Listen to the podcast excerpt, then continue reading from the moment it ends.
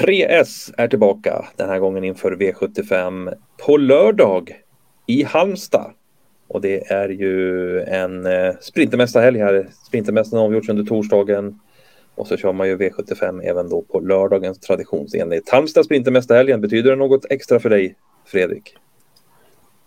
Ja, det betyder att det, jag var nere många år och tycker att det är fantastiskt trevligt där nere. Mm, ofta är det ju fint väder, inte alltid, men eh, ja, men jag gillar att vara där. Det brukar vara bra klass på tävlingarna, både torsdagen och lördagen. Och eh, ja, Untersteiner får alltid passa, det är det jag vet i alla fall. Det lägger vi till i, eh, med ett utropstecken där och han har ju flera Stallet har ju flera chanser också på lördag såklart och det är också jackpot på lördag med eh, 22 miljoner extra i sjurättspotten och det kittlar väl alltid lite extra. Ja, det är alltid kul. Det blir man aldrig trött på faktiskt, eh, jackpot, utan det är alltid, alltid eh, extra intressant då. Mm. Det gäller bara att vi är med och hugger de pengarna också. Det ska vi försöka göra och eh, även då hjälpa till eh, på traven där mot 7 rätt genom de här tre rubrikerna vi ska gå igenom i programmet och vi drar väl igång med den första här nu då på en gång då. Då kör vi ju spiken.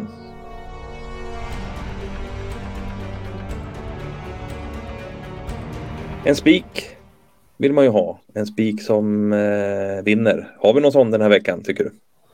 Självklart. Um, jag nämnde redan tidigare där att uh, Untersteiner, Stall Untersteiner ska man alltid passa den här helgen. Det, det, märks varje år att de siktar lite extra och vässar lite extra och försöker pricka toppformen till den här helgen. Så att uh, redan i V751 så spikar vi nummer två Karat River eh, det här blir en klar favorit, men en motiverad sådan. Och ja, vi tror faktiskt att han kommer vara ganska överlägsen i det här loppet. Ja, men det låter ju härligt. Han kommer ju från en andra plats i eh, Tingsryd där och eh, i och med andra platsen där så står han ju väldigt fint inmatchad här i loppet eh, till V75 på hemmaplan. Ja, han står perfekt in. Den andra platsen var kanon, 4 000 kronor till gränsen och eh, ja, vi har ju bilder på här senast eh, från avslutningen där, där han går liksom med full fart över mållinjen. Så att det var nog en perfekt genomkörning för det här. Han satt ju fast med krafter kvar också starten innan, så att han har fått två fina lopp nu, två formhöjande lopp. Eh, så att, och som du sa, perfekt in i Han går ur klassen efter det här. Så att, jag räknar med en topprestation och en aktiv styrning från Johan Untersteiner.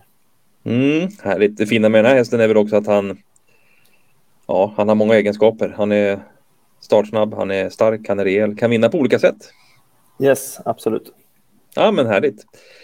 Där har vi spiken den här lördagen. Eh, två karat river alltså V75 1 och eh, med spiken avklarad så ska vi leta skrällbud.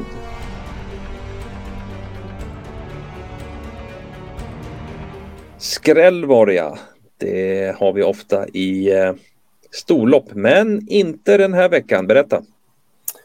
Nej, den här veckan testar vi faktiskt och tar ett skrällopp här i klass 1-försöket i V75 eh, 7 som eh, där det finns lite minus på favoriterna och vi har grävt fram några riktigt roliga drag.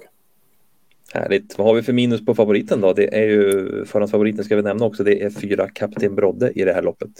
Nej, man pratar om att han, eh, det är en väldigt fin häst. Alltså han står inne bra inne i klassen, 480 000 och har jättebra kapacitet och 2600 meter är också bra. Men eh, Eh, man pratar om att resa kanske är lite bekymmer för kapten Brodde. Eh, så att bara där så ska man dra liksom öronen åt sig eh, på en sån favorit. Och sen nummer ett, Kaxedin, Johan Untersteiner.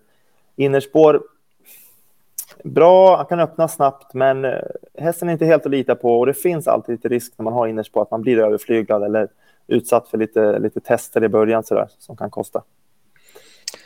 Ja, det är de mest betrodda hästarna här som det finns lite frågetecken på. Så det är, ja, med tanke på det luktar det ju skräll så det är klart att därför har vi valt det här loppet som skrällopp då.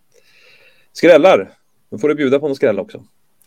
Ja, jag kan bjuda på två stycken. Eh, tre Platinium först, Jerry Jordans häst som gick barfota runt om här för första gången senast. Eh, jättefin spurt här. Det man ser det kanske inte bara om man tittar i programraden här, man sjua. Men 10 sista 700 med bra fart över mål. Eh, det var positivt för den där starka hästen. 2,6 är nog ett väldigt plus där. Jag, eh, ja, jag gillar den där hästen. Eh, sen har vi framför allt kanske nummer 10 eller 11, Jim Baranzon, som eh, man verkligen måste passa.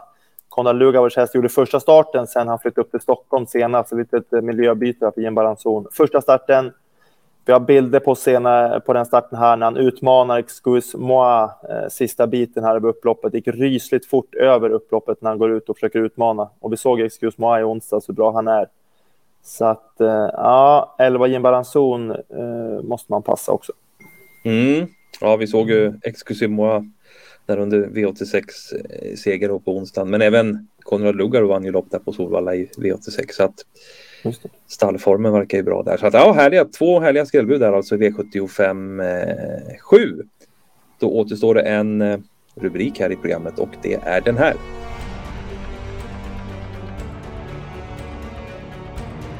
Chas ska vi ha, en häst som vi tycker har blivit eh, väl hårt betrodd och vi landar den här veckan i V75 4. Så du får berätta lite grann vilken häst det är som chasas den här veckan. Mm. Vi pratade tidigt om att Johan Untersteiner, eller Stalle Untersteiner, man ska passa och vi spikar Kauteriber och sådär. Men nu kommer jag på mig att nu, nu har jag nästan liksom satt lite negg här om två Untersteiner-hästar. Börjar med Kaxi in där i V75 nu. Eh, och här kommer chaset och det är nummer 15, Labjad Bross i V75 4. Eh, inte på något sätt för att det här är dåliga hästar eller en dålig häst, Labjad Bross, utan eh, också det för att det är vida känt att Untersteiner ställer ordning till den här helgen, så de har också en tendens han har väldigt många hästar i start och det är, vissa då har en tendens att bli lite överspelade. Eh, en sådan tycker vi att nummer 15 Labjad Bross är i V754. Står ju lite mm, bökigt utgångsläge här också med bakspår på tillägg också. Ja, men kommer med tre raka segrar, så jag förstår att man, att man liksom tar med hästen på kupongen eh, med en sån fin rad, men står lite hårt inne här och har bakspår på tillägg. Eh, så att, eh, nej, vi tror inte att han har så bra chans att runda hela fältet som spelet eh, säger. Så är det. Jag vet att nummer fyra Emir vill du prata lite om det. Ja, alltså fyra Emir är ju favorit och vissa favoriter i omgången kan ju, vara, kan ju vara bra. Jag tycker att det är värt att lyfta fram här att man på fyra, det är en väldigt stor häst. Timo Nurmo säger att det är en av kanske stallets största hästar. Det finns någon till där som var jämförbar. Och då brukar det vara svårt med voltstart. Men eh, vi har bilder här från tre starter sen när han har spår fem i voltstart och jag tycker faktiskt att han sköter sig ganska bra. Han verkar förnuftig. Det här är ju en lillebror till Maharadja. Eh, så att, eh, och ska dessutom gå barfota runt om den här gången, vilket kan slå väl ut. Kan också slå fel ut, men ja, jag vill ändå lyfta fram att eh, han ser förnuftig och klok ut i voltstart. Så att, eh, jag har feeling för att det kommer gå faktiskt för fyra Emir. Mm. Bra genomgång där får man säga av Eh, Emir där att han har fixat det där spåret. Jaha, härligt. Då har vi gått igenom eh, de rubrikerna vi hade här och sammanfattat med spiken som var i V75 1, nummer 2 Karat River. Och så skrälloppet, det var V75 7 där eh, vi bjuder på två skrällar i form av tre Platanium och 11 Jimbaran Zone.